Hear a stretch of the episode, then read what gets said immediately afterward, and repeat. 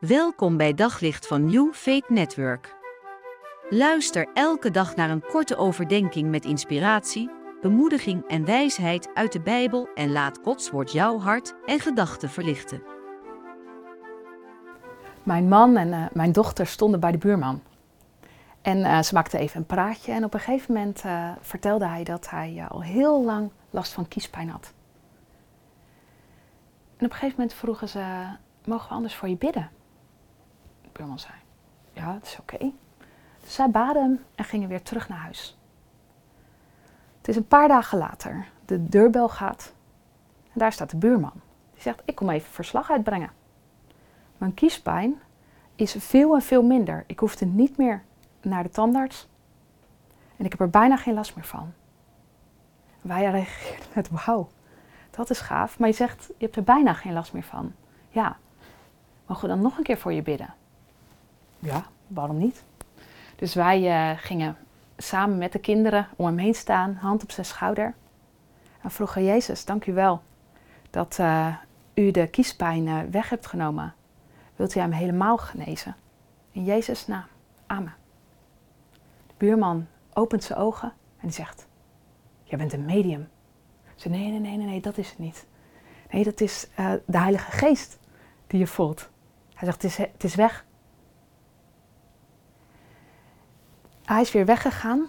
En toen ik vroeg uh, van de week of ik dit voorbeeld mocht gebruiken vandaag, toen uh, zei hij, ja tuurlijk, ik vind het nog steeds zo bizar. Of er zit een speciale kracht in jullie, of er is echt iemand erboven. In 1 Petrus 2, vers 9 staat het volgende. Maar u bent een uitverkoren geslacht, een koninkrijk van priesters, een heilige natie, een volk dat God zich verworven heeft om de grote daden te verkondigen van Hem die u uit de duisternis heeft geroepen naar zijn wonderbaarlijk licht. Wij zijn een volk van priesters, staat er. Allemaal, stuk voor stuk.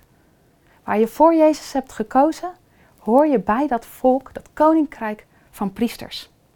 En in het Oude Testament hadden de priesters deze opdracht om mensen in verbinding te brengen met God. En God in verbinding te brengen met mensen. En nu, zegt Petrus, hebben jullie allemaal diezelfde opdracht. Jullie zijn priesters. Wij mogen dus mensen bij God brengen en God bij mensen brengen. Mensen bij God brengen. Dat betekent dat ik uh, voor ze mag bidden. Dat ik um, als ik thuis ben uh, met mijn gezin of in mijn eentje kan bidden voor mijn vrienden, voor mijn familie, voor mijn buren, voor mijn omgeving. En dat ik soms de kans krijg om ter plekke met iemand te bidden. En ik mag God bij mensen brengen.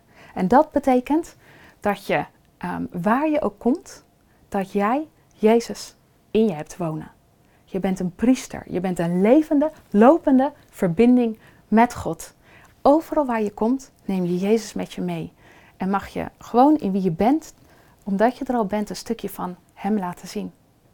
Hoe is dat voor je? Als je vandaag naar de supermarkt gaat, naar je werk, naar school, naar je studie. En je realiseert dat je een levende, lopende verbinding met God bent. Wat maakt dat uit? Hoe is dat om dat even te beseffen? Op zoek naar nog meer geloof, hoop en liefde.